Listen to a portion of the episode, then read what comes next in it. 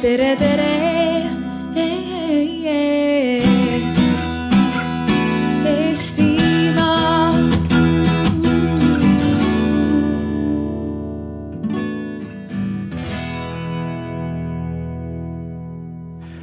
Tere tulemast kõigile.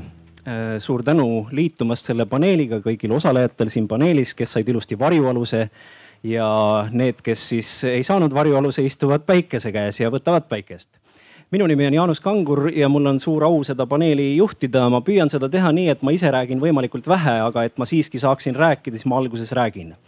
räägin iseendast natukene. meie paneeli nimi on äh, Taara tammikust Maarjamaani.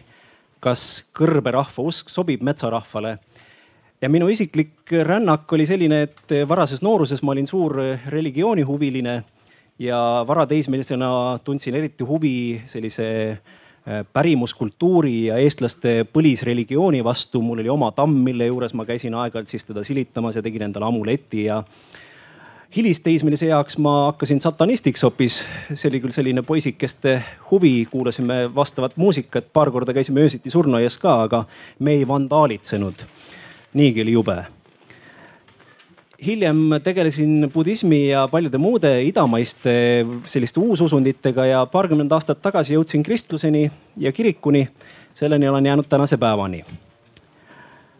Eestis me elame sellises unikaalses situatsioonis, et me oleme üksteisele väga lähedal, vaadake kasvõi siin paneelis, kui üksteise otsas me siin istume.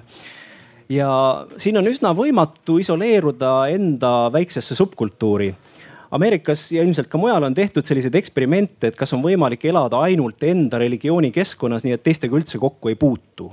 ja tõepoolest Ameerikas võid elada sellises kristlikus subkultuuris, kus sa töötad kirikus näiteks või mõnes parakiriklikus organisatsioonis äh, kuulad kristlikku raadiot, vaatad kristlikku televisiooni, käid kristlikes kauplustes, ravid ennast kristlikus haiglas. Eestis vist ei ole kristlikke haiglaid. ma küll, diakoonia haigla jah, aga noh, sinna siis minnakse elu, eluringi lõpupoole et seal niisama ravimas ei saa ennast käia. ma küll kuulsin, üks tore inimene ükskord tahtis rava äh,, rajada Eestisse kristliku hambaravikabinetti ja ma küsisin, et aga milles see kristlikkus seal seisneb. ta ütles, et hinnad on odavad. aga Eestis ei ole see väga võimalik äh, niimoodi isoleeruda, me puutume üksteise kokku paratamatult teiselt poolt täna elame me situatsioonis, kus me globaalses, globaalsetes kogukondades võime tõesti täiesti isoleeruda, olla ühes inforuumis, nii et me ei tea ööd ega mütsi. ei teagi, et maa on ümmargune või vastupidi, mõned ei tea, et maa on lapik ja me elame enda inforuumis ja ei puutu absoluutselt üksteisega kokku kuidas see meid mõjutab tänasel päeval, sellest me püüamegi täna rääkida. ja meil on selline väga vahva paneel siin koos väga mitmetest erinevatest inimestest, keda ma kiiresti tutvustan kõigepealt eh, minu vasakul käes, käel äh, mees, kes tunneb ennast hästi nii Hiies kui spordirajal. Madis Iganõmm, maavallakoja juhatuse liige. järgmine mees ja aplodeerida muuseas võib jah. järgmine mees teab kõike mõnust, teab, kuidas mõnukalt elada. samuti maavallakoja juhatuse liige Andres Heinapuu lihtsalt mõnus mees järgmine mees on õiget usku mees, äh, teoloog Tauri Tölt. järgmine daam on uurinud väga põhjalikult eestlaste eluringi, eriti selle eluringi lõppu. ma küll ei tea, kuidas, kus ring lõpeb, aga igatahes äh, äh, Tallinna Ülikooli vanemteadur Marju Kõivupuu. teadlane ja ühtlasi mees, kes usub samal ajal jumalasse, on äh, Tehnikaülikooli professor Kuldar Taveter. ilmselt peaks ütlema Eesti esiusklik mees, peapiiskop Urmas Viilma. järgmine on siis Eesti esiuskmatu mees, esi Eesti, Eesti esiskeptik Martin, Martin Vällik ilmselt kõigi usuvaenulike inimeste suurim vaenlane, mees, kes reaalselt ehitab kirikuid, Aavo Üprus. mitu, kaks on juba valmis, eks? Läheb, läheb teine jah?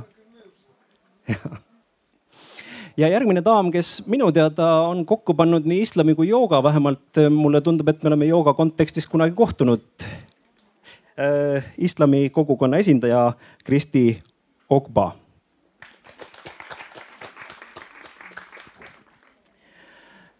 Me oleme mõelnud selle formaadi või õigupoolest mina mõtlesin, ülejäänud lihtsalt noogutasid.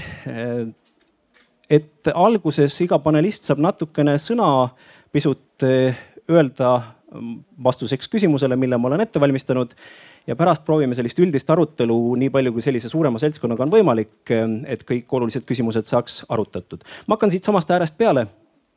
Madis, teie olete kirjutanud üsna kriitiliselt eh, riigi, eh, kuidas öelda siis hoolimatusest Eesti pühapaikade suhtes ja ähm, kasutanud vist lausa väljendit, et usuvabadus Eesti Vabariigis sellisel kujul, nagu ta põhiseaduses on, ei tegelikult praktikas, praktikas ei realiseeru, sellepärast et eelistatakse mõningaid uskusid teistele.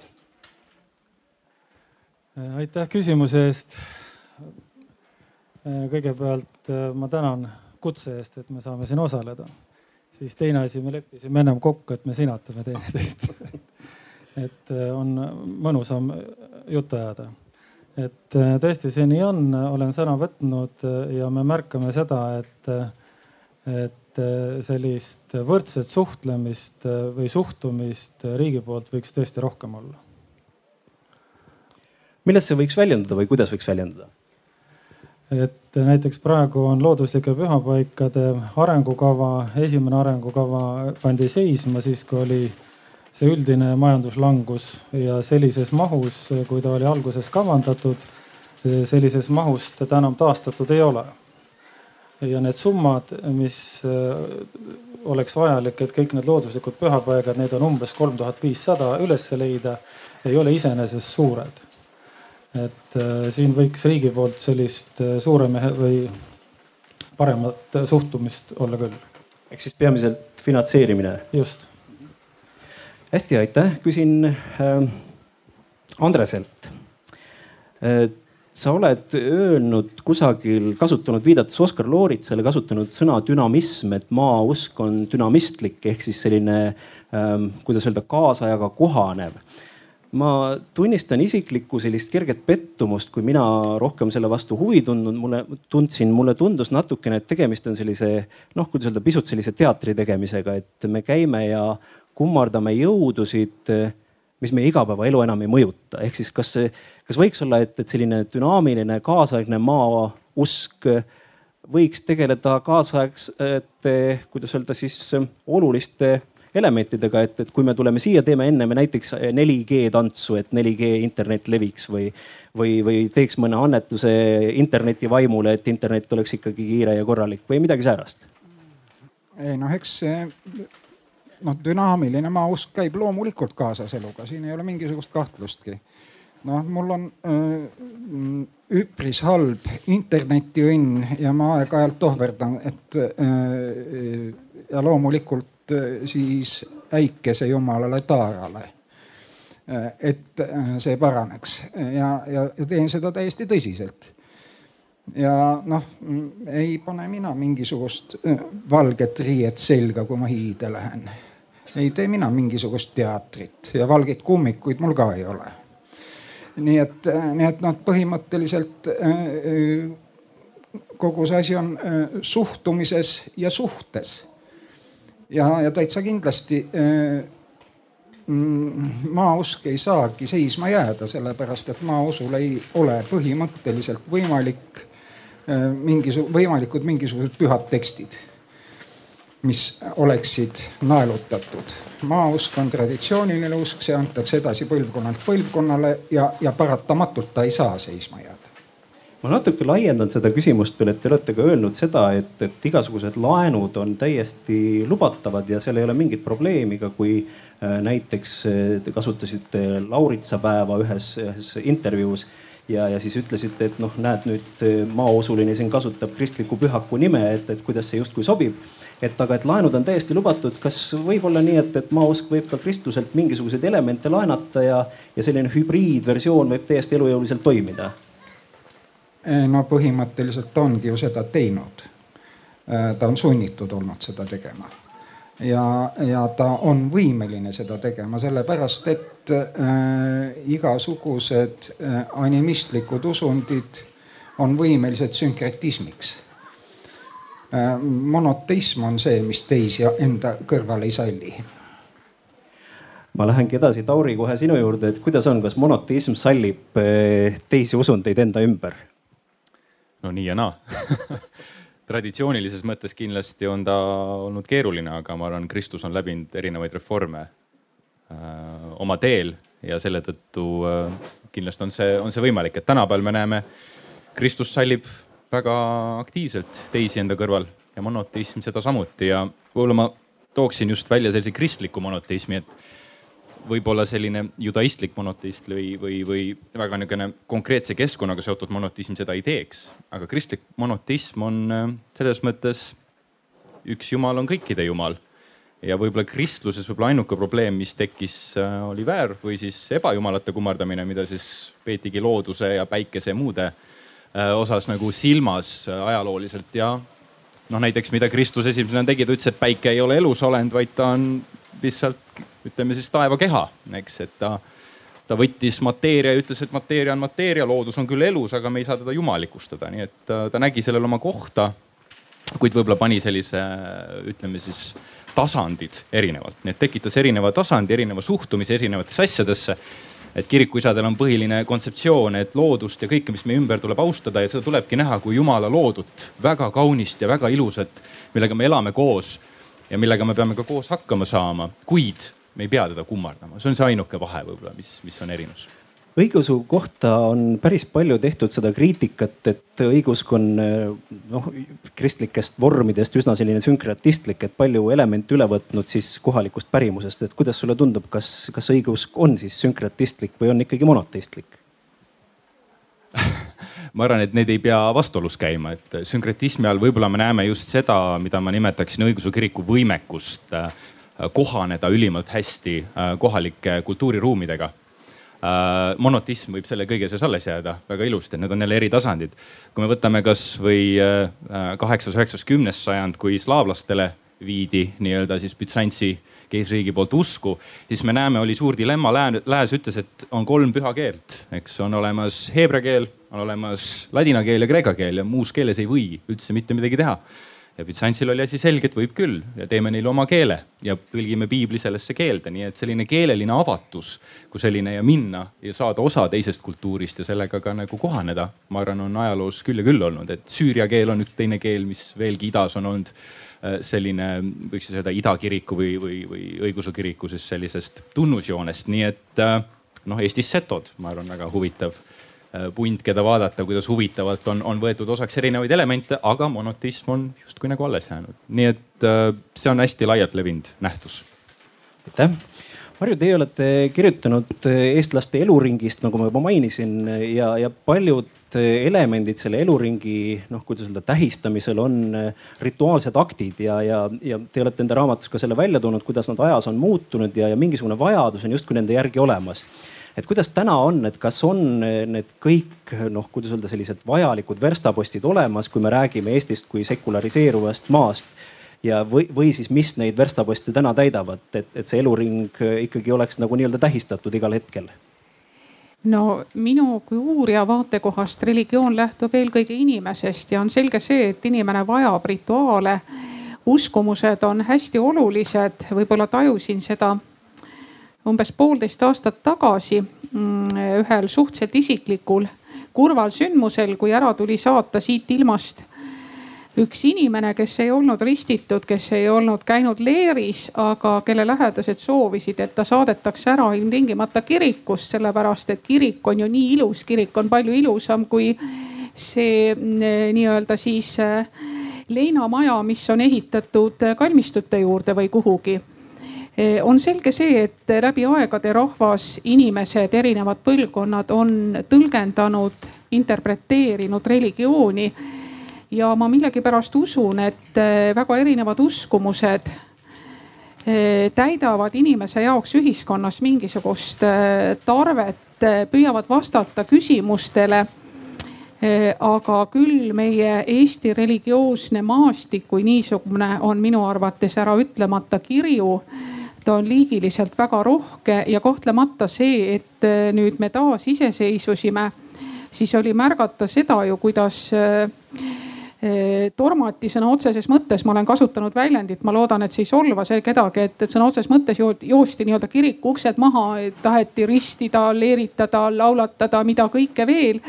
ei läinud mööda kahtekümmend viite aastatki, kui me tegelikult ühiskonnas arutleme näiteks ja arutasimegi ju selle üle, kas ja millistel üritustel näiteks kirikus peaks käima meie president ja kuidas selle kõigega on ja samas, kui me räägime ka näiteks meie lähiminevikust nõukogude ajast, siis nõukogude aja koletuste illustreerimiseks me kasutame sageli eh, niisugust eh, religioosseid kujundeid, olgu selleks paksude kardinate taga jõulude tähistamine, olgu selleks näiteks eh, mustad nimekirjad, mida peeti, kui keegi jõulude ajal läks kirikusse et see suhe on selline huvitav ja kummaline kahtlemata ja kindlasti olen ma uurijana seda meelt, et meie arusaamisi religioonidest mõjutab nõukogudeaegne ateistlik õpetus ühel või teisel viisil.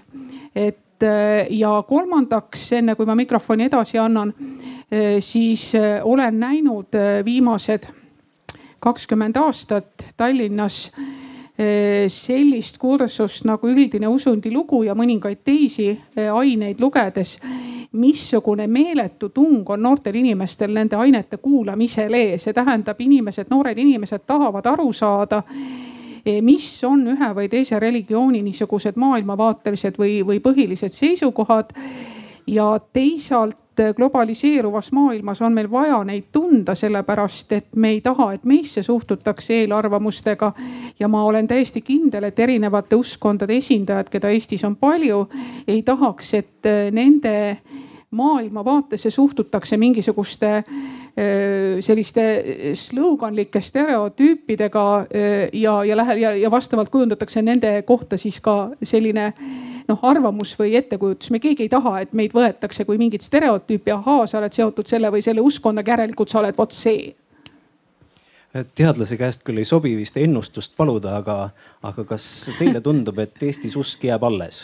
Mina arvan niimoodi, et eh, inimene on juba kord homoreligioossus ja ükskõik missugusel kujul, missuguses vormis ta jääb alles, kas ta jääb niisugusel kujul või mingil teistsugusel kujul. seda enam, et meil on igasuguseid huvitavaid alternatiivseid voolusid ju küll ja veel, olgu see seotud näiteks äh, arusaamadega, kuidas me peaksime oma tervise eest hoolt kandma või, või kuidas selle maaga nüüd ikkagi on, eks ole, kas ta on, kas ta näeb niimoodi välja nagu auto alla jäänud jalgpall või on mingeid muid vahelahendusi ka veel. et, et me praegu, kui ma Eestis vaatan ringi siis on minu arvates tegelikult, eh, millele me rõhume, et me oleme, meil on väga head eh, õpitulemused ja teaduslik maailmapilt, siis andke andeks, aga see ei paista kusagilt välja. kui me vaatame kõike seda, mis meil siin toimunud on, see, see puudutab ka muuseas ennustamist ja kõiki muid selliseid toredaid sündmusi jutumärkides, mis meil siin lähiajal toimunud on. Siis me seda küsime Lea Altnurme käest, et millises vormis religioon või usk püsima jääb, aga kohe varsti jõuame siin, ei küsi veel. Lähme ikkagi järjekorras hiljuti ööülikoolis Jaan Kaplinski äh, esitas sellise üsna trööstitu pildi äh, tulevikust ja äh, tema lühi, lühike sõnum või, või lühikokkuvõte tema sõnumist oli see, et, et inimkond enda potentsiaalis liigub enesehävituse poole. ja, ja ta peab seda üsna paratamatuks, et see ühel hetkel nõnda juhtub ja ta leiab, et on ainult kaks pidurdusmehhanismi, üks neist on religioon enda tabudega ja teine võib olla teadus ehk siis enda sellise ratsionaalse kaalutlusega Kaplinski ütles, et mõlemad on läbi kukkunud. kuidas sulle tundub, kas teadus ja religioon on ühtviisi läbi kukkunud sellise, kuidas öelda, inimkonna säilitamise ja, ja inimkonna eksisteerimise reguleerimise mõttes või, või on ühel neist potentsiaali rohkem kui teisel? aitäh küsimuse eest. ma arvan, et eh, nad ei ole läbi kukkunud ja nad, neid mõlemaid on vaja selleks, et inimkonna tulevik eh, säilitada ja, ja edasi minna. ja neid on vaja mõlemaid just nimelt, sest nad täiendavad üksteist. teadus vastab küsimusele, kuidas, aga religioon vastab küsimusele, miks. et tegelikult ju kui ajaloos äh, minna tagasi ja vaadata, kuidas üldse religioon tekkis, siis äh, osa teadlasi väidavad, äh, tuginedes ka teatud tõendusmaterjalidele, et äh, religiooni tekkimise põhjus oli see, et inimene vajas äh, põhjuslikkuse selgitust kausaalsuse äh, selgitust.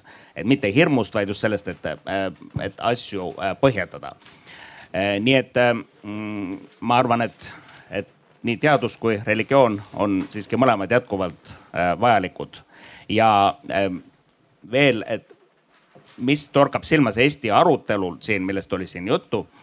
Et võib-olla, et seda tõenduspõhisust on liiga vähe, et kui näiteks, noh võtan näiteks ähm, teemana et millal ristiusk tuli Eestisse, siis on olemas ju tõendeid, et ta tuli enne ristirüütleid ja ristirüütlitel oli hoopis oma poliitiline agenda, äh, mis ei olnud ähm, tegelikult kuigi palju seotud äh, ristiusu toomisega ütleme, et seda laadi uuringut oleks rohkem vaja ja see on jällegi see stampväljendite küsimus, millest Marju rääkis siin.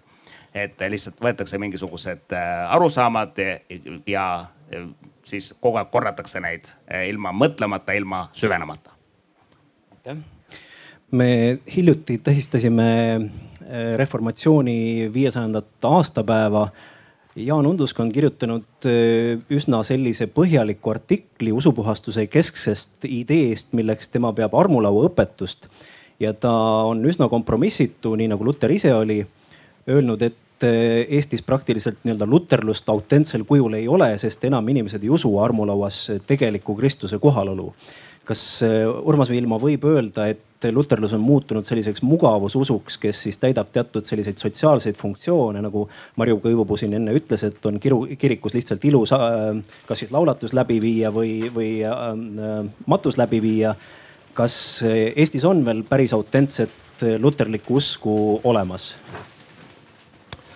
Noh, eks see on jälle küsimus, et milline on autentne luterlik usk, et kui me võtame mm, luterliku Äh, perekonna, ülemaailmse perekonna, noh, võtame kasvõi Luterliku Maailmaliidu, kuhu kuulub äh, sada nelikümmend viis erinevat luterlikku kirikut umbes seitsmekümne viie miljoni liikmega siis loomulikult, kui vaadata, kuidas luteri kirik näeb välja Koreas või Namiibias või, või siis Brasiilias või Eestis või isegi Rootsis või Saksamaal, siis siis igal luterlikul kirikul on oma nägu. ometigi nendes põhilistes äh, õpetuslikes küsimustes äh, ollakse samadel seisukohtadel. mulle meeldib see sinu äh, viide Unduskile ja, ja, ja, ja armulauale sellepärast, et nii huvitav, kui see ka ei ole, kui me puhtalt statistika põhjal peaksime tegema järeldusi mingisugustest tendentsidest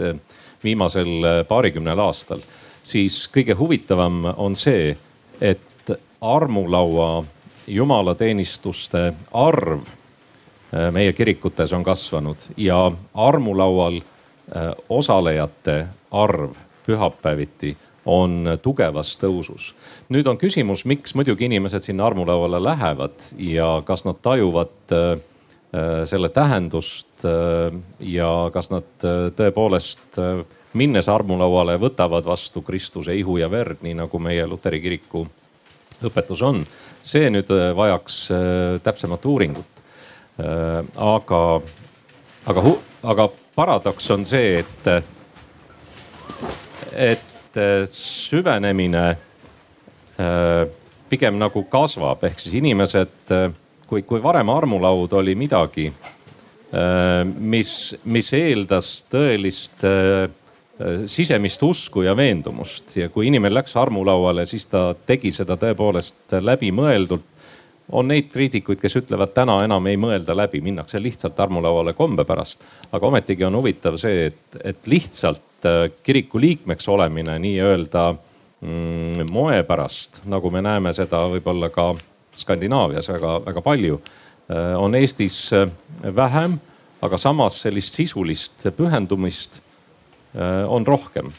Äh, ka kirikus käijate arv muuseas seal, kus inimesi on, loomulikult tühjenevates külades äh, tühjenevad ka kirikud, aga seal, kus inimesi on, no minge ükskõik millisesse Tallinna kirikusse või Tartu kirikusse, pühapäeval need ei ole tühjad. ehk siis kirikus käijate arv seal, kus inimesi on, ei ole mitte vähenenud, vaid, vaid kasvab. ehk siis ma ei ole nõus selle, selle väitega, mis puudutab armulaua tähenduse kadumist ja aga, aga sellega küll, et eks luteri kirik võtab ka igal pool oma näo ja kui siin enne oli juttu sünkret, sünkretistlikust sellisest lähenemisest ja kas kas üks või teine ka kristlik ähm, kirik on sünkretistlik, siis, siis mis Eestis on juhtunud? me istume praegu ka Eesti Kirikute Nõukogu äh, telgis justkui ehk siis äh, see osa siin on, on Eesti Kirikute Nõukogu egiidi all korraldatud.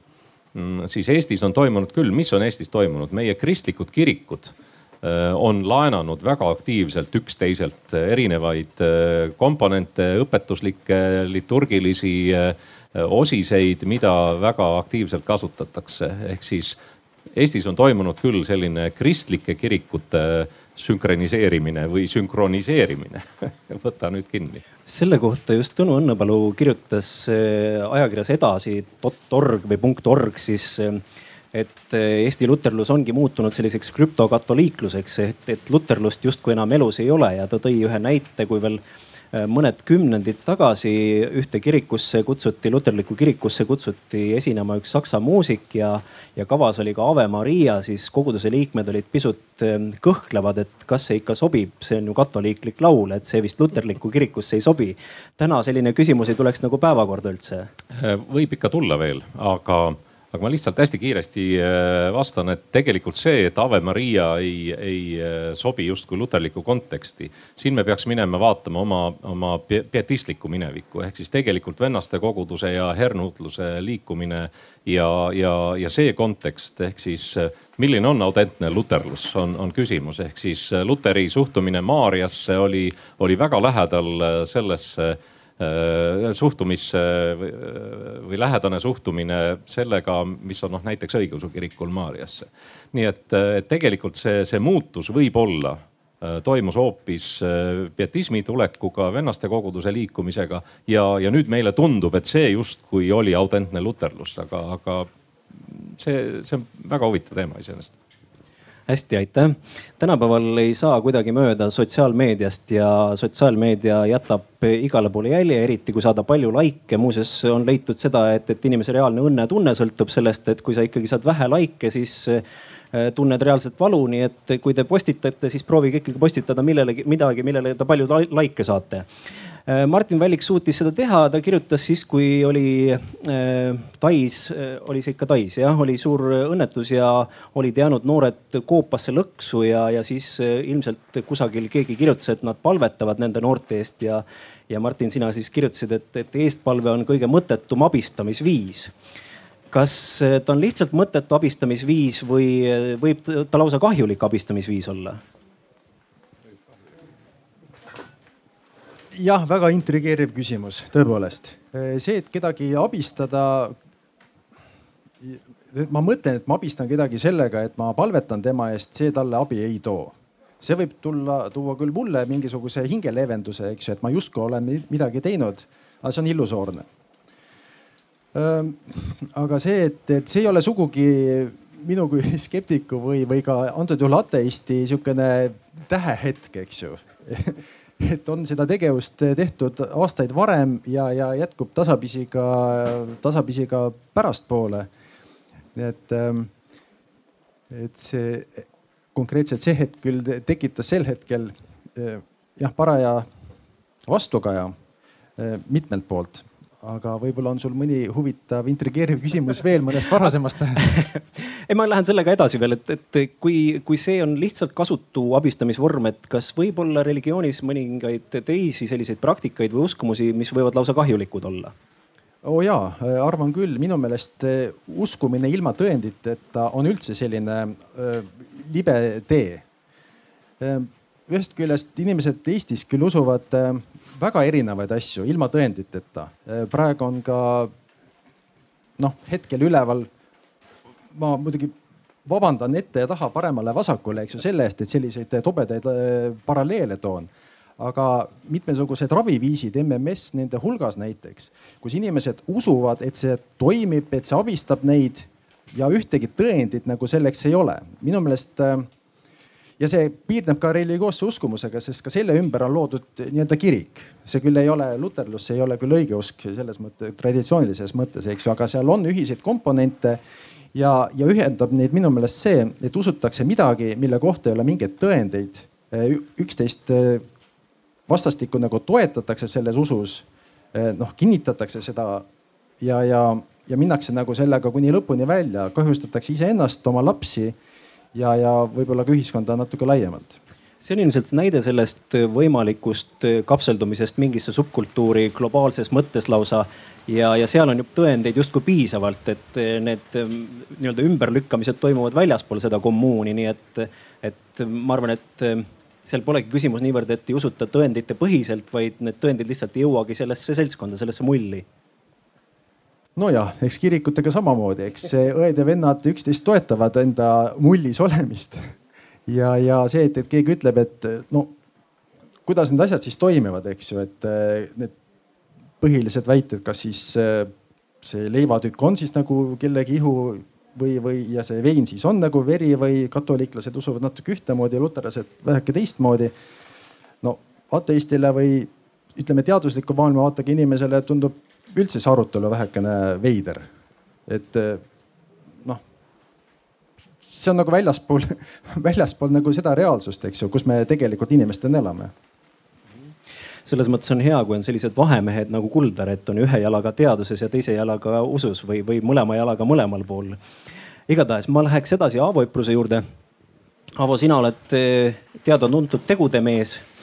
et mitte ainult ei usu, vaid näitad seda tegudega see on muidugi ka täiesti ebaluterlik, jällegi luterlikus usus ikkagi saadakse õndsaks usust.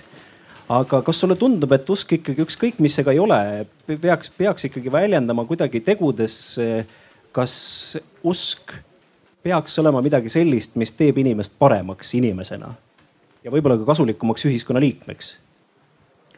mulle tundub, et Luter oli ka tegude inimene ja see et õndsaks saab tegelikult ainult armust ja usu kaudu, vastab küll tõele, aga kes sulle ütles, et minu elu ülim eesmärk on õndsaks saamine. ma lihtsalt pean selles hetkes tegema oma parima, kus ma olen. ja seda ma saan teha siis, kui ma käitun iseendaga identselt. ja kui usk on see, mis konstitueerib minu olemasolu, siis väljaspool usku tehtavad sammud on minuga vastuolus ja seda peaks ka skeptik tõdema ja kui ma teen endaga vastuolevaid samme, siis ma valetan.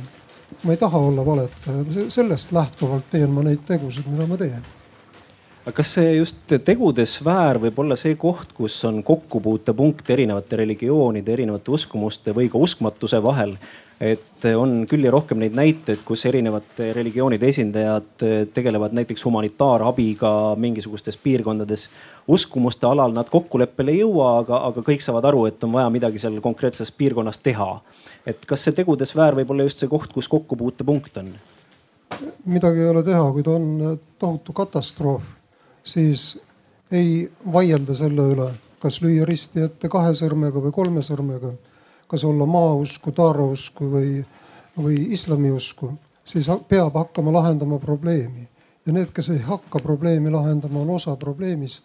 Nad tuleb sellisel hetkel küll kõrvale jätta ja nendest tuleb üle minna. kõik probleemid on ainult lahendamiseks.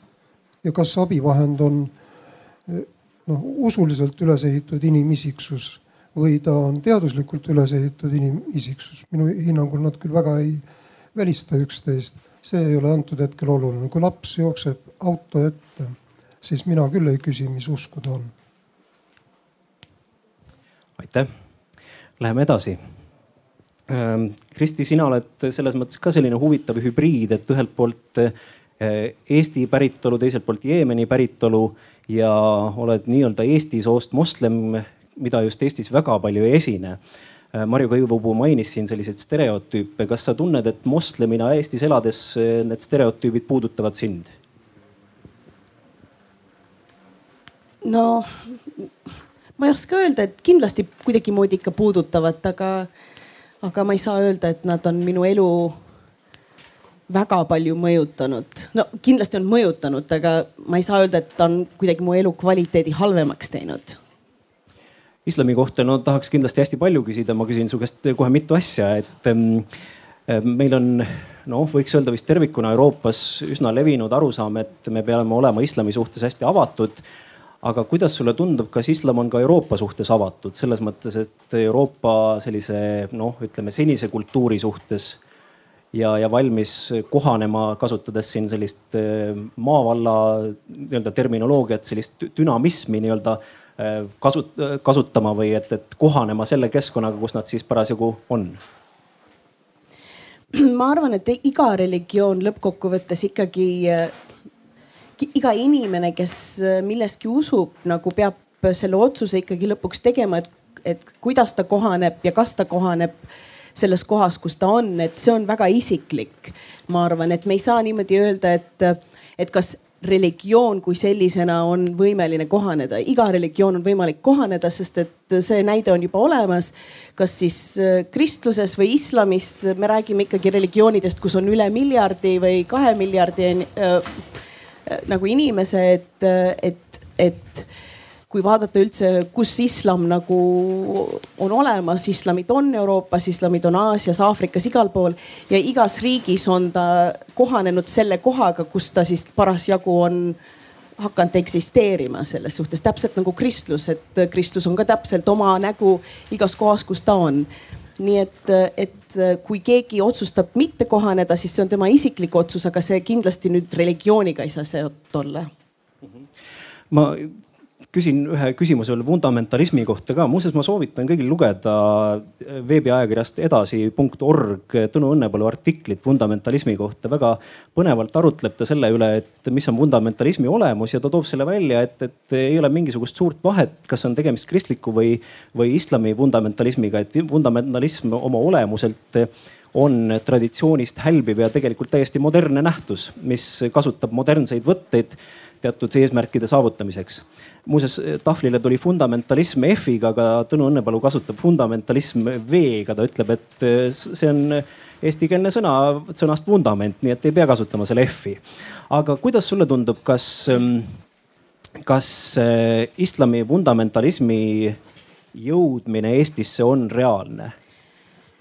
no arvestades seda, et me elame globaalses maailmas, siis loomulikult see on reaalne, et see on aga, aga ma pigem vastaks sedapidi, et, et fundamentalism iseenesest on, mul on väga hea meel, et, et sa tegid nagu tõstsid selle küsimuse, sest et mul vahepeal siin inimeste jutus nagu tekkiski just see mõte, et et, et tegelikult fundamentalism lõppkokkuvõttes on ikkagi see, mis mis tähendab seda, on jäikus ja iga inimene, ükskõik, kas sa oled usklik või sa ei ole usklik, kas sa oled mingi religiooniga seotud või kas sa oled mingi toitumisharjumisega seotud või mis iganes. et kui sa oled äh, nii väga äh, kinni ainult oma ühest vaatenurgast ja ainult otsid seda tõde selle ühe äh, asja toetamiseks, siis sa ka kindlasti seda mulli nii-öelda leiad ja neid vastuseid, mis sulle sobivad, leiad ja ja, ja, ja see ongi fundamentalism minu meelest, et iga väga jäik äh, seisukoht inimesel. Ja see jäik seisukoht võib olla islamiga seotud äh, äh, kristlusega seotud või lihtsalt isegi vegan, veganlusega seotud, et, et, et, et sa pead, noh me oleme kõik inimesed, me oleme kõik ekslikud ke, kellelgi siin ei saa olla sada protsenti tõde. Ja, ja kui me seda teavitame iseendale, siis me oleme ka valmis omavahel nagu nii-öelda suhtlema ja, ja, ja me saame ja siis me ei ole fundamentalistid, aga see moment, kui mina tea, ütlen, et mina olen nüüd sada protsenti õigel teel ja ükskõik, mis keegi mulle nüüd ka tuleb ütlema, ükskõik, mis tõendid mulle ette heidetakse või ei heideta ja mina oma meelt ei muuda, siis see teeb minust fundamentalist fundamentalistliku inimese ja, ja ma arvan, et see on ohtlik, ükskõik kuhu sa kuulud ehk siis selline arutelu näiteks võiks olla üldse ennetusmeede, et, et me omavahel saame kokku ja, ja vaatame üksteisele otsa, vaatame, et täitsa toredad inimesed on. ja see, kuidas sa üldse ka meid siia kutsusid ja see email isegi, kus sa nagu rääkisid sellest, et, et äh, ma kohe hoidsin seda, nüüd mõtlesin selle peale, et tõesti nagu ma ikkagi tahaks kuulata midagi, mis ka tekitaks minus mingisuguse ahaa-momendi nagu, kus ma ka midagi, kus ma ka mingisuguse võib-olla hoiaku saaksin muuta. ma ei ütle seda, et ma nüüd kindlasti seda teen, aga, aga see oleks väga tore ja vahva, kui ma saan ka sellest vestlusest midagi endale juurde aitäh ja meiega on liitunud Lea Altnorme, kes on Tartu Ülikooli äh, sotsioloog, äh, religioonisotsioloog ja vanemteadur. ja ähm, me, ma peaaegu teistega kõigiga leppisin kokku, et me sinatame, et kas ma võin sinatada? okei sa oled kusagil kirjutanud, et eestlaste hoiak religiooni suhtes ei ole lihtsalt leige, vaid lausa vaenulik. kas see on tõesti nõnda? see oli, see oli Postimees kuusteist oktoober kaks tuhat seitseteist et sellised üldistused kindlasti ei ole õiged, aga, aga see, ütleme religiooni suhtes vaenulikkust kindlasti kohtab ja, ja seda kohtab siis kohtab hirmu, kohtab vaenulikkust kristluse suhtes, islami suhtes kindlasti, aga seda ei saa öelda niimoodi, et, et see, see iseloomustaks kõiki eestlasi, et see on kindlasti vale, need üldistused on valed, ma arvan nii, jah. Urmas Viilma tõi siin välja statistikat, et armulaual osalejate hulk on kasvanud. sina oled jälle vastupidi kirjutanud sellest, et kirikud ikkagi jäävad tühjemaks ja eestlased järjest vähem käivad kirikus. et kumb siis see õige nüüd on päris nii, et e, ühesõnaga jah, et kristlaskond väheneb, seda küll jah, et seda näitavad küsitlused aga no üld, üld, üldjoontes me, me võime noh, ütleme hinnanguliselt, kuidas siis eestlased jagunevad, ütleme siis nii, et viiendik määratleb ennast kristlastena ja, ja ütleme kuni veerand siis usub kristlikke uskumusi. et see on siis meie kristlaste ütleme selline osakaal. kolmandik eestlastest määratleb ennast vaimse, kuid mitte religioossena ja ütleme siis, kui neid lähemalt uurida, siis nad on seotud uue vaimsusega ühte või teistpidi. kaheksa protsenti oli siis kaks tuhat seitseteist meil neid, kes määratlesid ennast maausulisena ja siis üks kolmandik on neid, kes siis määratlevad sel viisil, et nad on mittereligioossed ja sinna hulka siis noh ka ateistid e, või siis ateismi poole kalduvad. et see on selline väga laias laastus jaotus Eh, mis on tegelikult olnud üsna püsiv, ainult noh, maausuliste arv on siis olnud pidevas kasvu, kasvu tendentsis. Ja, ja ütleme niimoodi, et just nende arv, kes määratlevad ennast maausulistena, et nüüd ma ei tea väga täpselt öelda, kas kodade liikmete arv on kasvanud, et see võib olla sugugi mitte nii kiirelt kasvanud kui nende arv, kes on siis ennast niimoodi lihtsalt määratlenud, ilma et nad oleksid liitunud, eks ole, maavallakojaga numbrid on sellised külmad faktid, mille vastu ei saa nagu Martin Välliku vastu, sest tal on faktid aga eh, see ei olnud selline väga, isiklik remark, see oli lihtsalt näide. aga mm, isikliku kogemuse põhjal ma olen pärit väikesest maakohast Raplamaalt, Vigala vallast, Jedivere külast, Aasa talust. ja ma loodan, et kas see tuleb ekraanile? ei tule aga et mm, selline isiklik tõdemus või kogemus on see, et eh, umbes kakskümmend aastat tagasi oli selles väikeses maakirikus, ütleme kümme vanainimest. Nad on kõik tänaseks äh, juba surnud. aga seal on ikka kümme vanainimest ja loogika justkui ütleks seda, et, et need kümme vanainimest surid ära, järelikult kirik jääb tühjaks aga huvitaval kombel on tekkinud kümme uut vanainimest, kes varem noorte inimestena kirikus ei olnud, aga nüüd nagu on. et kas ähm, religioonisotsioloogia suudab kuidagi seda fenomeni ka arvesse võtta või, või see on pigem, mis tuleb siis uutes uurimustes jälle välja, et, et kuidas see arv on siis muutunud? nojah, eks ta siis kindlasti tuleb välja, et äh, ma arvan küll. ja, ja praegu noh, mm, ütleme ei, ei ole ütleme, selle kahanemistendents ei ole nii kiire enam, kui ta võib-olla oli seal kümme, kakskümmend aastat tagasi kristlaste oma, aga äh,. aga ta ei ole ka peatunud. ja see siis on, ütleme üle vabariigi või ütleme üle Eesti riigi on need küsitlused ju kehtivad, on esinduslikud valimid see, mis ühes või teises kohas toimub, no näiteks Urmas Viilma tõi näite, et ega kirikud linnades ei ole tühjaks jäänud, eks ole. et nii, nii, nii see võibki olla et ähm, need alles jäänud kristlased on aktiivsed, äh, pühendunumad äh, kui siis äh, võib-olla noh, ütleme, et vähem on selliseid kombepärast kristlasi võib-olla. nii et ähm, siin puhtalt see visuaalne pilt, mis avaneb ühes kirikus, ei pruugi meile öelda või noh, nagu peegeldada ikkagi täit, täit pilti või, või ütleme üldist plaani väga täpselt.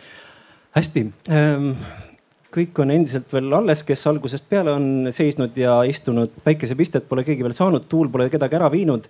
aga erinevaid eh, arvamusi kuulates, kas kellelgi on tekkinud mõni küsimus, meil on võimalik anda mikrofon ja on võimalik küsimusi esitada. kui te annate käega märku ja saate ka adresseerida spetsiaalselt küsimuse, kui te tahate minul on selline isiklik nali, et ähm, ma kohe räägin selle ära, et koolitused, mida ma igapäevaselt teen. Äh, ma olen alati rääkinud seda, et eestlased väidetavalt on kõige vähem religioosne rahvas Euroopa Liidus, aga minu arvates on eestlased üdini religioossed. kui koolitusel ma annan mingi ülesande või harjutuse, siis nad alustavad kohe väikse palvega. oh jumal küll või oh issand et ma mõtlen ka, kui ma esitan selle võimaluse, et, et saab küsimusi esitada, siis kõigepealt kõik ütlevad, oh jumal, nüüd peab rääkima või aga nüüd on see palveosa tehtud ja esimene soovija on olemas, ma toon mikrofoni.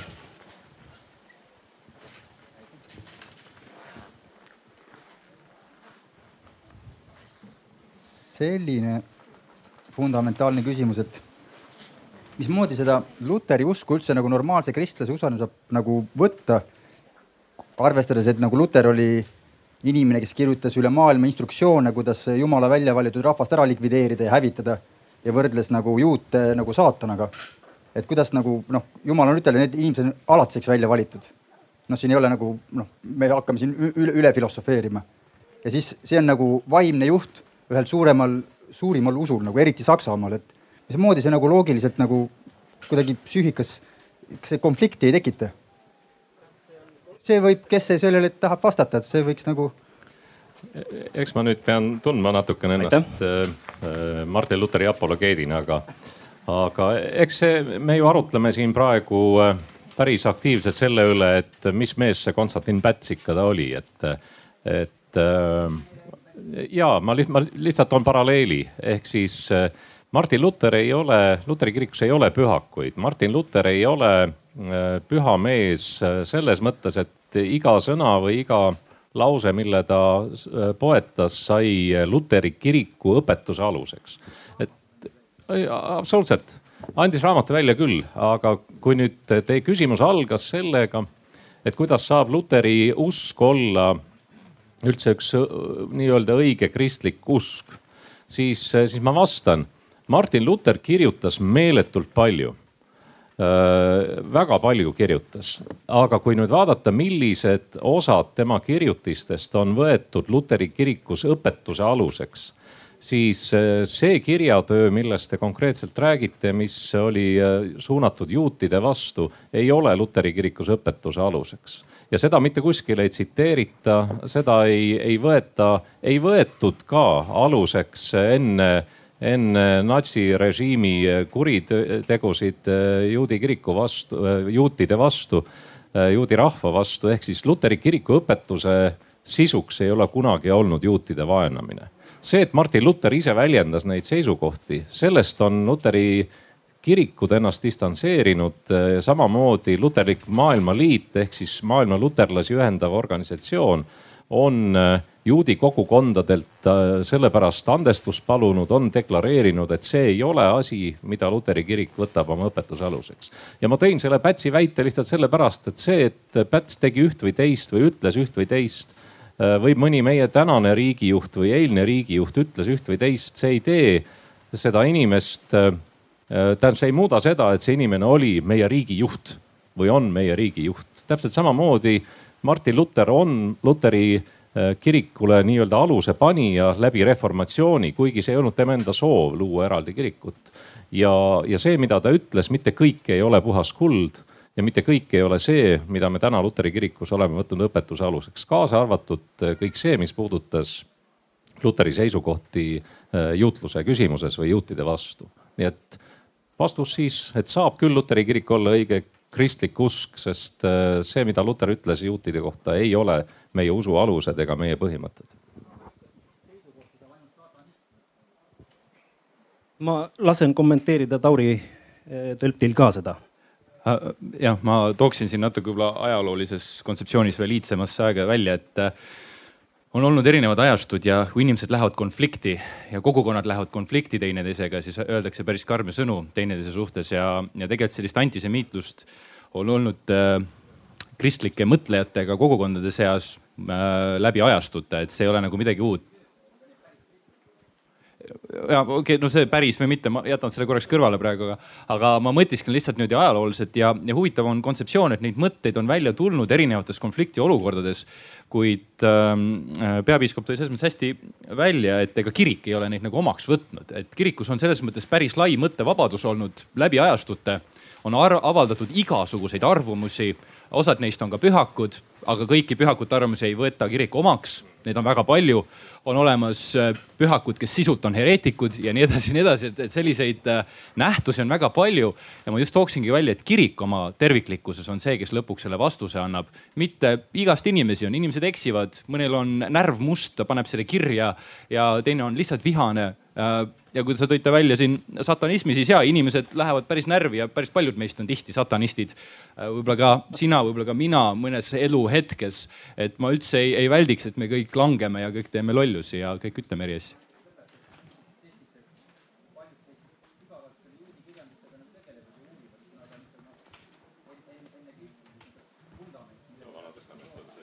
vana testament väga jõuliselt jah, võib-olla ka hiljem, aga Kristuses jah, ta nii oluline ei ole otse loomulikult, aga uurijaid on meil küll. ma, ma vabandan, ma läheks edasi, kas on veel teisi küsimusi? pärast saab seda veel eraldi arutada, et, et kui on eh, soovi, siis saab võtta veel panelistidel nööbist kinni eh, kellel nööbid on, et saab seda küsimust veel arutada, kui vaja on. aga kas on veel teisi küsimusi auditooriumis? ma lihtsalt võib-olla keegi... vastan siin lõpus ära, et jumal valis kogu maailma oma rahvaks, kõik et see on see lõpuvastus. väga hästi, kas on veel kommentaare, küsimusi auditooriumist?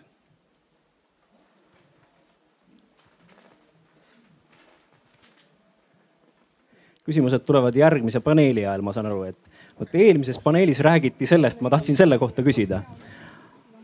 aga kui hetkel ei ole, siis ähm, mina tahtsin veel ühe sellise suure ringi küsimuse küsida või kas on panelistidel veel teiste mõtete kohta tekkinud vahepeal mõni kommentaar, kui te kuulasite siin, noh, teie pidite kõige kauem nüüd kuulama ja ootama, et kas tekkis vahepeal mõni mõte, kommentaar?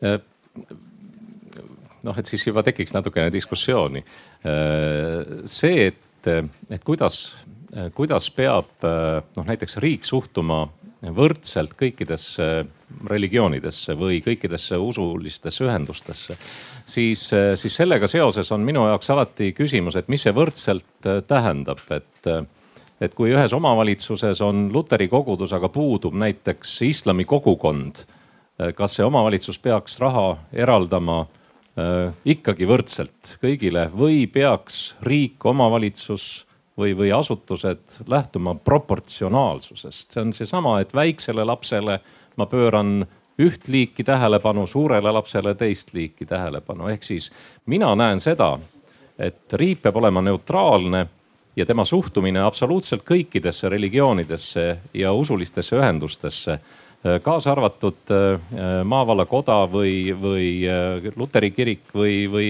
või teised, äh, peab olema siis neutraalne positiivses mõttes.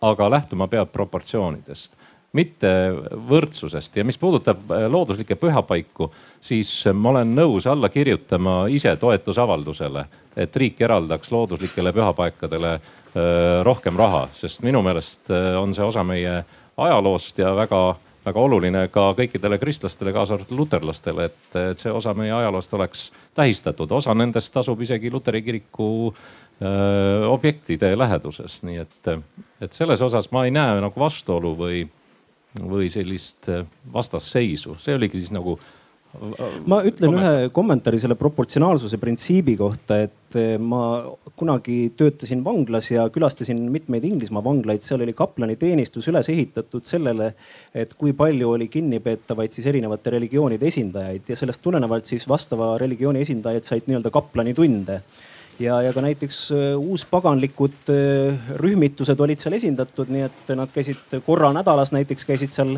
oma religiooni esindajatega kohtumas. suurem osa oli küll anglikani preestrid, äh, islami vaimulikud, katoliku preestrid, aga ka siis teiste religioonide esindajaid said nii-öelda kaplanitunde. aga. aitäh, et meil on ma tooksin sisse ühe teise mõõtme.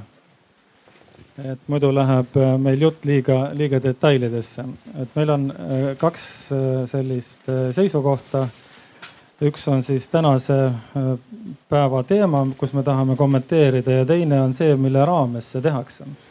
ehk selle aasta teema on siis valitud Eesti usk ja meie seisukohalt on nii, et, et Eesti usk religiooni mõistes ei saa olla ühtegi usku, üks, ükski nendest, kes meil on või mis meil on, meil on üle üheksakümne usuliigi ja mitte üks nendest ei saa olla Eesti usk. Et kui me räägime Eesti usust, siis me saame rääkida ainult usust Eesti riiki. ja, ja kõik teised usud, mis meil siin on, on võrdsed ja eh, siis jah, nad on kõik ja ükskõik, kes eh, on ta siis kristnaiit või budist või moslem või maausuline või kes tahes. kui tema usub midagi, siis see tema jaoks ongi Eesti usk. Et, keegi ei saa ütelda, et, et eh, keegi siin, kes istub, et ta peab uskuma seda, mida mina usun, et kui tema on leidnud enda jaoks ühe usu, siis tema jaoks ongi see Eesti usk mikrofonita vahepeal.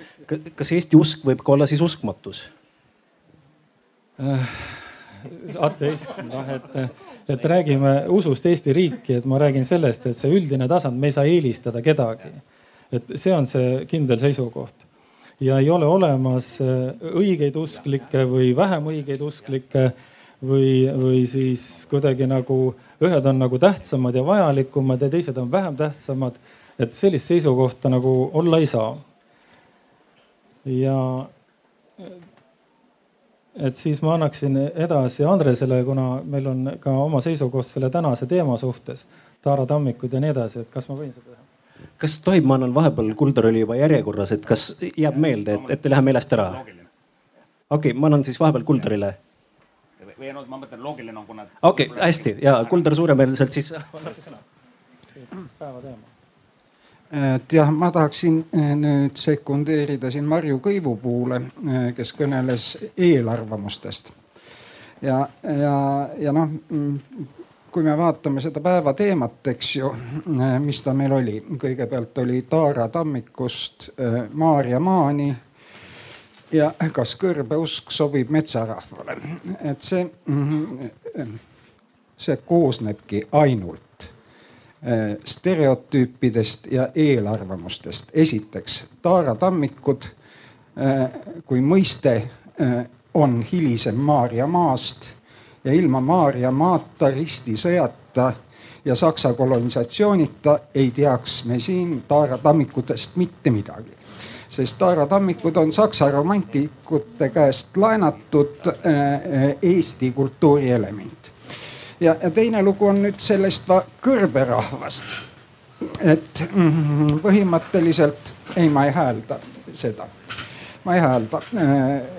Arizonas ja, ja Sonora osariigis Mehhikos elab äh, niisugune india, indiaani rahvas, kelle nimi on papagod eurooplased, eurooplaste keeles. Nende enda nimetus on kõrberahvas, kui me nende keelest tõlgime ja nüüd, mis on kõrberahva usk? üks selle kõrberahva esindaja oli alles möödunud aastal Pühal Vällemäel ja toimetas seal koos navahode ja sapoteekidega noh, omamoodi nagu see, mis kristlastel on oikumeeniline jumalateenistus. ja siis oli ka Karula kihelkonnas suitsusaunas ja ausalt öeldes ta tunnetas sauna maausulist pühadust tunduvalt rohkem kui äh, suur jagu nendest, kes kuskil metsas elavad. Ja, ja, ja siit, siit järeldus, et tähendab äh,, ega me ei saa üksteisest lugu pidada, kui me üksteise lugu ei tea ja, ja sellepärast ongi, olekski, olekski hea äh, äh, kutsuda üles kõiki Äh, suuremale usulisele sallivusele, uudishimule. Äh, ja, ja, ja alles siis alles siis saab tekkida lugupidamine. aitüma. nii ma ka sõbraliku diskussiooni korras eh, jätkaksin natukene eh, ja ma jään oma liistude juurde, et siin oli juttu tõenduspõhisusest, et eh, kõik peab olema tõendatud ja et siis usklikud tihti ei tegutse tõenduspõhiselt ma kommenteeriksin seda niimoodi, et ega teadus ka suures osas põhineb usul. jah, et meil on võimalik teatud asju tõestada, matemaatikas teoreeme, füüsikas teha eksperimente aga äh, kusagil tuleb piir vastu, kusagil tulevad aktsioomid. et kui me võtame niisuguse lihtsa näite nagu näiteks kahe paralleelse sirge lõikumine, siis jah, siin tavalises siis Euclides, Euclidese geomeetrias nad ei lõiku aga kui me võtame siis Riemanni või Lobatševski geomeetria, mis põhinevad või räägivad kõverast ruumist, siis nad lõikuvad kusagil. nii et selles mõttes inimene nagu ikka, ta mõtleb selle tasemel, mis on talle antud hetkel äh, vajalik ja kuidas, kus ta saab hõlpsalt toimetada. aga äh, tegelikult teaduslikult ei ole kusagil, kusagil on need aktsioomid ja asi põhineb ikkagi lõpuks uskumisel. ja sama lugu on ka teaduslike koolkondadega, et, et ikkagi põhi, põhi, põhinevad suuresti lõppkokkuvõttes kusagil siis äh, uskumisel et see, see on nagu kommentaari üks pool ja, ja teine pool jällegi, et kui me räägime nüüd Eestis suhtumisest üldse usklikesse üldse, mitte ainult kristlastesse, siis siin on nagu väga palju on, on tegelikult ka sellist eh, mittetõenduspõhisust, kuna on teatud asju ka ajaloost, eks ole, nagu ma algul mainisin, kus on olemas eh, tõendid Äh, aga ometi lahmitakse ja lihtsalt sildistatakse. et, et sellest tuleks lahti saada, ma arvan, et niisugune diskussioon siin on ka samm, samm äh, just sinnapoole. et, äh, et lahti saada niisugusest üksteise sildistamisest ja, ja asju arutada väga erinevate inimestega, aitäh sellisel juhul mina ütlen ka, et ma ei ole originaalne, kui ma ütlen, et ma jään oma liistude juurde.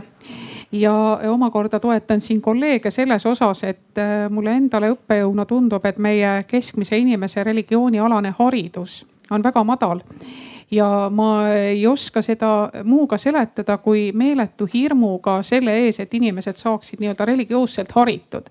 sest kui me räägime religiooni või usundite õpetusest, siis jälgige, mis meedias toimub heake küll, humanitaarina ma olen selle, selles osas nõus, et materjali saab esitada väga erineva nurga alt ja see materjal, mida ma loengus esitan, see mingil määral või kusagil kirjutan, hakkab elama natukene oma iseseisvat elu, sest üks või teine inimene loeb sealt välja mingisuguse tsitaadi, mingi mõtte, hakkab seda mudima ja leiab sealt ühe sõnaga siis noh, kas siis poolt või vastu argumente ja arendab seda edasi, kui ta üldse suvatseb noh teksti süveneda. et ma jään selle juurde, et, äh, et meie religioosne haritus peaks olema suurem, siis inimene ka teeks religiooni osas mõtestatud ja põhjendatud valikuid. mul on elust, pikast elust tuua näiteid, kus inimene on liitunud ühe või teise usurühmitusega ja ta tegelikult ei ole teadnud, mida see tema jaoks kaasa toob. ta ei tea seda, kas sellest saab välja astuda ja nii edasi ja nii edasi ja nii edasi. ja teine asi, mida ma akadeemilise inimesena olen Eestis täheldanud, on see, et me ei oska küsida oma külaliste, näiteks külalislektori või kellegi teise Eh, religioossete soovide kohta sellel ajal, kui ta siin viibib et teinekord minule on vaadatud niisuguse noh, ütleme peaaegu pilkavalt otsa ja et mida noh, inimene tahaks teha, kas ta tahab käia kirikus, kas ta tahab käia mingis pühakohas. et kuidas ta tunneks ennast siin hästi ja kui sa oled selle organiseerinud ja ta näpuotsa võtnud ja öelnud, et hea küll, et lähme siis käime seal või teises kohas ära või ma näitan, kus sa saad seda teha, on ta tegelikult väga tänulik. see tähendab, meie harimatus osundab ka sellele, et me tegelikult alati ei oska vaiksel, viisakal ja delikaatsel moel moel käituda nende inimestega, kes tulevad religioossest kultuuriruumist. ja üks küsimus, mida minule näiteks konverentsidel või mitmel pool väga palju küsitakse, ongi see, et mis usku me oleme või mis usku mina olen ja mis usk või millised usud Eestis on ja, ja kahtlemata tähendab, see puudutab noh maailmavaadet laiemalt ka et, eh, et mitte pikalt rääkida, ma ütleks, julgeksin öelda, et ärge kartke ennast religioosselt haritud saada. Teil on lihtsam kommunikeeruda ja te teete võib-olla ka oma elus eh, paremaid ja põhjendatumaid valikuid mul ei ole vähimatki kavatsust jääda oma liistude juurde. ma mõtlen praegu nendele paralleelsetele sirgetele, millele siin teadusinimesed viitasid ja, ja mis kusagil teises ruumis ehk lõikuvad. ehk oleme meie ka niisugused paralleelsed sirged, kõik need usukogukonnad, kõik need, kõik rahvused, kõik ähm, tõekspidamistel põhinevad süsteemid, mis võib-olla selles ruumis tõepoolest arvavad ennast olevat kesksed või isegi primaarsed ja, ja kusagil teises ruumis saabub lahendus. kui me neid sirgeid aga vaatame otsapunktist, siis me näeme, et tegemist on punktidega. võib-olla oleks võimalik neid punkte vaadata ka mingis kolmandas kontekstis ja näha, et tegemist on ruumidega. ja nendes ruumides on meie tõekspidamiste karkass, millel siis me kas rohkem või vähem skeptiliselt rohkem või vähem usklikult kõigume nagu karvutud ahvid. aga ma loodan seda, et need, kes kõiguvad seal teadmises, et pühaduse väärtused peavad alati jääma, kui me räägime inimestest, kui me räägime inimeksistentsist, ükskõik kas juudina, kristlasena, moslemina, siis need inimesed äh, võivad tõepoolest seal igavikus üksteisele naeratada, sõltumata sellest, kui palju siin hammaste kiristamist on. selles mõttes võib-olla tõepoolest tuleb ka oma suletud mõtteruumist väljuda selleks, et arvamusfestivali kuumas päikeses leida iseennast ülesse. Muide, kui ma oleksin teie käest küsinud veebruaris, kuidas teile meeldiks, kui oleks paar kraadi soojem, ma tean, mis te oleksite vastanud. kui ma küsin sedasama praegu teaduspõhiselt või mitte, siis ma tean ka, mida te olete vastanud kuidas on võimalik vastata nii erinevalt, sellepärast et me oleme erinevad erinevates kontekstides. aitäh.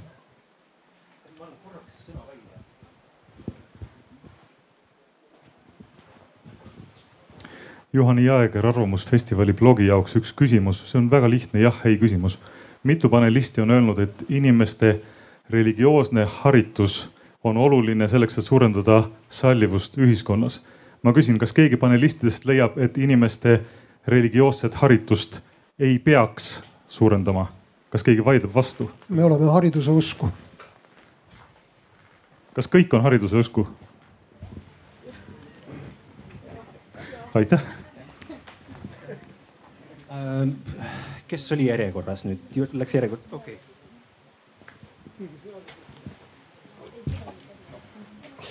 Äh, ma tänan ka just selle viimase küsimuse eest ja, ja see oligi see, mida ma tahtsin äh, hakata rääkima ja, ja sekundeerima siin äh, Marjule.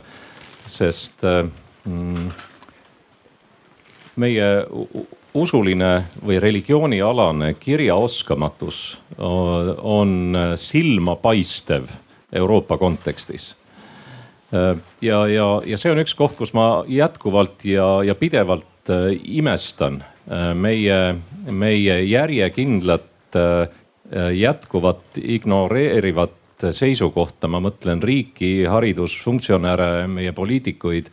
Ma olin aasta tagasi novembris, peaaegu aasta tagasi novembris siis Euroopa komisjonis ja seal oli kõne all erinevate Euroopa religioonijuhtidega see, et kuidas kasvatada ja tõsta religiooni alast kirjaoskust Euroopa liikmesriikides. Ja, ja, ja ma olen kogu aeg imestanud, et, et Eesti ignoreerib selliseid dialoogi kõige kõrgemal tasemel ja teadlikult valitakse kogu aeg nendes, nendel teemadel teadmatuse tee. Ehk siis ja vast, räägitakse endale ka vastu, sest kui meil kogu aeg räägitakse seda, et me, meie haridus peab olema teadmistepõhine, siis selles valdkonnas ehk siis religiooni valdkonnas on valitud teadlikult teadmatuse tee sest äh, see osa juba teine põlvkond vabas Eestis sündinuid kasvab üles äh, täielikus religioonialases kirjaoskamatuses või juhuslikkuses ja, ja ma, ma, ma imestan ja, ja, ja ei saa aru, miks see on nii. ma toon ühe hiljuti kuuldud näite, ma loodan, et, et keegi ei tunne ära kedagi siin selles näites, aga see, see iseloomustab. ühes Eesti kristlikus koolis õpib ühe Eesti kõrge haridusfunktsionäri laps, kes teadlikult valis oma lapsele selles koolis mitte religiooniõpetust ehk siis see näitab, et ollakse valmis panema oma laps kristlikusse erakooli, aga sellegipoolest mitte, kusjuures selles koolis ei ole konfessionaalne usuõpetus, vaid on religiooniõpetus või usundiõpetus. ja, ja see funktsionär valis teadlikult oma lapsele, haridusfunktsionär valis teadlikult oma lapsele teadmatuse selles valdkonnas. Ja see iseloomustab minu meelest meie, meie riiki ja, ja ma olen siin väga kriitiline. Kas ma tohin alatult ühe väga humoristliku eh, tsitaadi ühest oma tööst, kui ma küsisin, et mida te nii-öelda Eesti usundite loengus õppisite, siis kirjutati mulle vastuseks, et ma sain teada, et Taara on midagi enamat kui tühjad pudelid. No eks seegi ole hea teadmine, aga töötades ka ise koolis, eh, siis ma leian, et eh, koolis on ikka palju probleeme ja alati on olnud, pidevalt reformitakse, uuendatakse, ega õpetaja ja ainegrupp seisab selle eest, et tema ainet saaks väga rohkem õpetatud. ja ma tahaks nüüd jätta sellist muljet, et religioonialane teadmatus ei ole sugugi mitte see ainukene äh, valdkond, mis meie haridusmaastikku äh, noh iseloomustab vaadates ringi, kuidas meie noored täiskasvanud valikuid teevad, eks ju, me näeme, et see teadmatus on laiem. see kirjaoskamatus, teaduslik kirjaoskamatus, nimetaksin ma, on üldisem nähtus. kriitilise mõtlemise oskuse puudumine on ka väga silmatorkav väga olulistes eluvaldkondades. me siin meditsiini teemal, teemal natuke siin mainisime, eks ju. et mina soovin nüüd jätta muljet selle kohta, et, et religioonialane teadmatus on kindlasti probleem, aga see ei ole mitte see noh, et on ka teisi probleeme, mis on võib-olla veelgi olulisemad. tere, jah ähm, ma siin vahepeal mul tekkis, kuna me olime sellise väga sõbraliku laine peal vahepeal, siis mulle tundus, et me kõik siin sekundeerime ühe teise mõtteid ja see oli väga tore ja väga meeldiv. aga siis mul tegelikult hetkeks nagu sähvatas, et aga, aga, aga teada on, et, et, et on probleeme, kus väga palju mängib rolli religioon ja see religiooni teadmatus mõnes mõttes võib ka olla inimestel, kes on ka väga religioossed selles suhtes. nii et, et see, kuidas äh, seda või ühte teist, ühte või teist religiooni kasutatakse ära, noh, me teame, et maailmas toimuvad väga palju, väga, väga paljud konfliktid ja kui vaadata nendele konfliktidele otsa niimoodi pealiskaudselt, siis tundub, et põhjus on alati kuidagi religiooniga seotud ja, ja samas siin, kui me istume kõik siin paneelis ja kõik noogutame ühe teisele ja oleme jube sõbralikud ühe, ühe teisega, lihtsalt näitab seda, et tegelikult inimtasemel või inimese tasemel on täiesti võimalik läbi saada. et ju siis on seal mingi muu element seal, mis nagu mängib rolli ja mina väidan, et see on kindlasti võimu ja poliitika äh, noh teene pigem kui religioon ja seda religiooni, kuna see on nii tihedalt Äh, inimese äh, olemusega või inimese kuidagi identiteediga alati seotud, ükskõik mis see religioon on, on seda väga-väga kerge ära kasutada. et noh, kasvõi mul ei ole vaja üldse Lähis-Idasse nagu minna, kui me räägime šiitidest, sunniitidest või mis iganes seal konfliktid seal toimuvad võib rääkida Iirimaalt on ju, et, et kuidas seal on olukord olnud, et, et, et, et neid, neid religioosseid laineid kasutatakse kahjuks ära ja nad võivad väga koledaks muutuda selles suhtes, et, et väga tore, et me siin kõik läbi saame ja ma usun, et inimesed tegelikkuses saavadki läbi, aga see hetk, kui tuleb mingisugune poliitkonflikt sinna sisse või vahele, siis see asi manip-, noh, see manipuleerimise, manipuleerimise võimalused on väga suured ja inimeste tundeid, tunnetega saab väga kergelt äh, mängida. Ja seda me näeme isegi Eestis, mis ei ole väga religioosne riik, tuleb välja. Või noh, samas me oleme meil on oma ebauskumused nagu, mis on meil sisse väga juurat, ju, juurutud nagu, aga, aga samas, kui me näeme, et et, et, samas me saame ikkagi seda religioonikaarti mängida kasvõi selle vastu, et, et keegi on mingisugust usku.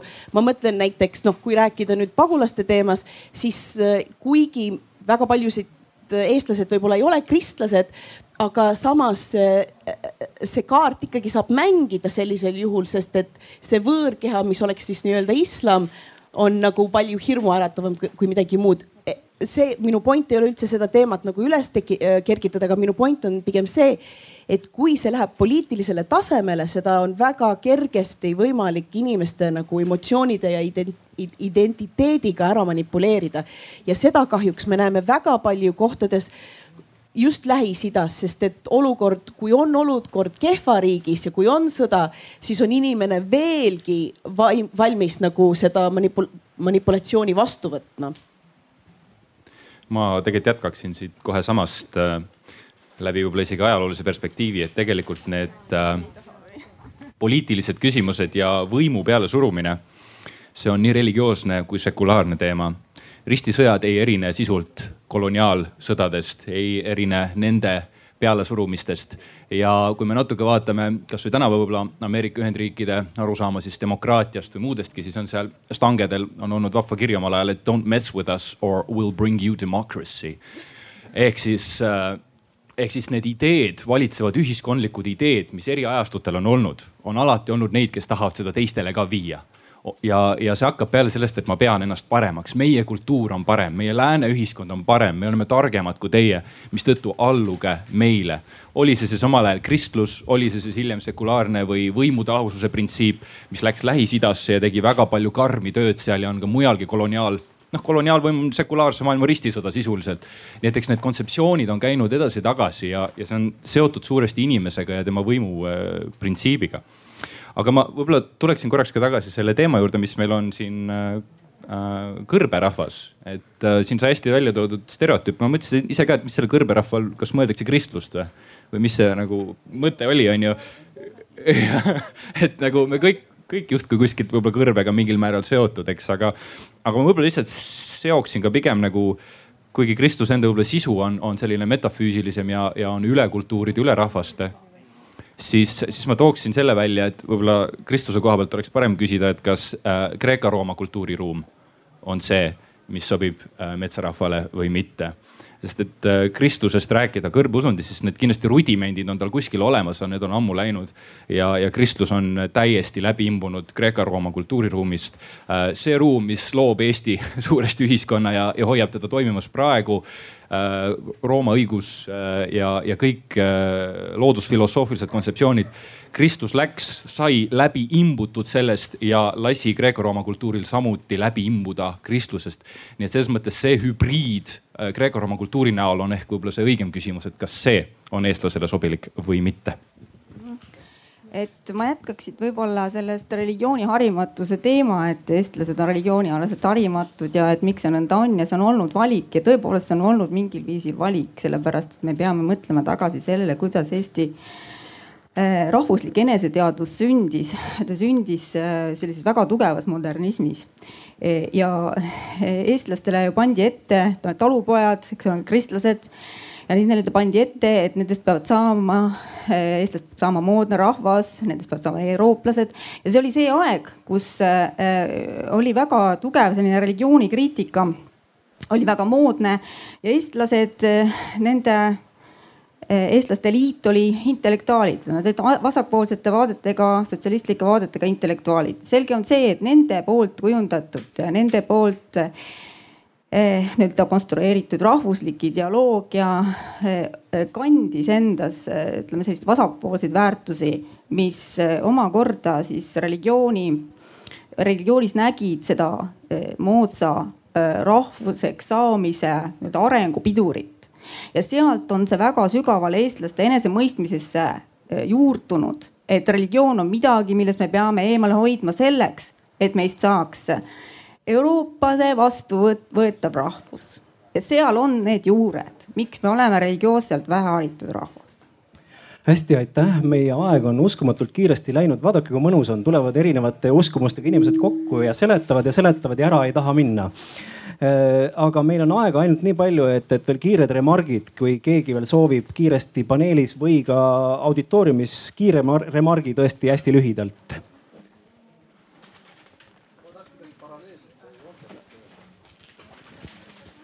Ja üks äh, märkus nende uskumuste kohta, mis siis on teaduses ja mis on religioonides, et teaduslikud uskumused erinevad religioossetest uskumustest selle poolest, et teaduslikud tõed ei ulata oma kätt või oma mõtet sinna nii-öelda äh, üleloomuliku poole. et teaduslikud uskumused, need aktsioomid, eks ju, et äh, kui meil tuleb teadmiste piir ette, ma ei ütle, et vot seal taga nüüd on jumal või mingisugune muu üleloomulik tegelane. et, et selle poolest need minu meelest need uskumused erinevad, et me ei saa päris kõrvutada või paralleelseks panna neid äh, noh, nii-öelda teaduslikke uskumusi ja, ja religioosseid uskumusi eks muidugi on iga inimese enda asi, kes ta arvab, et seal, kus tema tunnetus lõpeb, algab jumal või algab rumalus. aitäh. et äh, ütlen lõpet-, lõpusõnaks seda, et äh, viimane rahvaloendus näitas, et meil on üle üheksakümne ususuuna. et meie seisukoht, maausuliste seisukoht on, et kõik on teretulnud, kõik uued on teretulnud.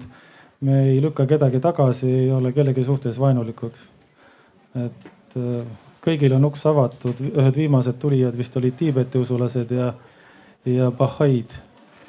et, äh, et tere tulemast, kõigil on siin kohta, kõigil on siin ruumi.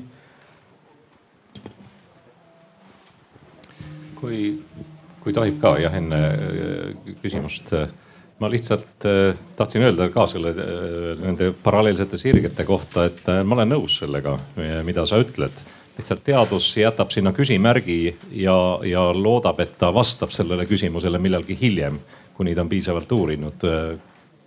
religioonid annavad äh, vastuse ja, ja usuvad, et see vastus on õige, aga ma tahtsin tegelikult äh, sekundeerida siin heatahtlikult äh, Kristile ja sellele väitele, et tegelikult me peaksime ka ise, olles teatud kirikute või religioonide esindajad, oma usualast või religioonialast kirjaoskust süvendama teiste religioonide või uskumuste kohta, see on, see on päris tõsi, sest see võimaldab meil rohkem sellistes ringides kokku saada ja ühiseid teid leida teatud küsimustel ja, ja muidugi tere tulemast kõik ka ka kristlaste hulka, et Jeesus ütles ka, et kõik on teretulnud.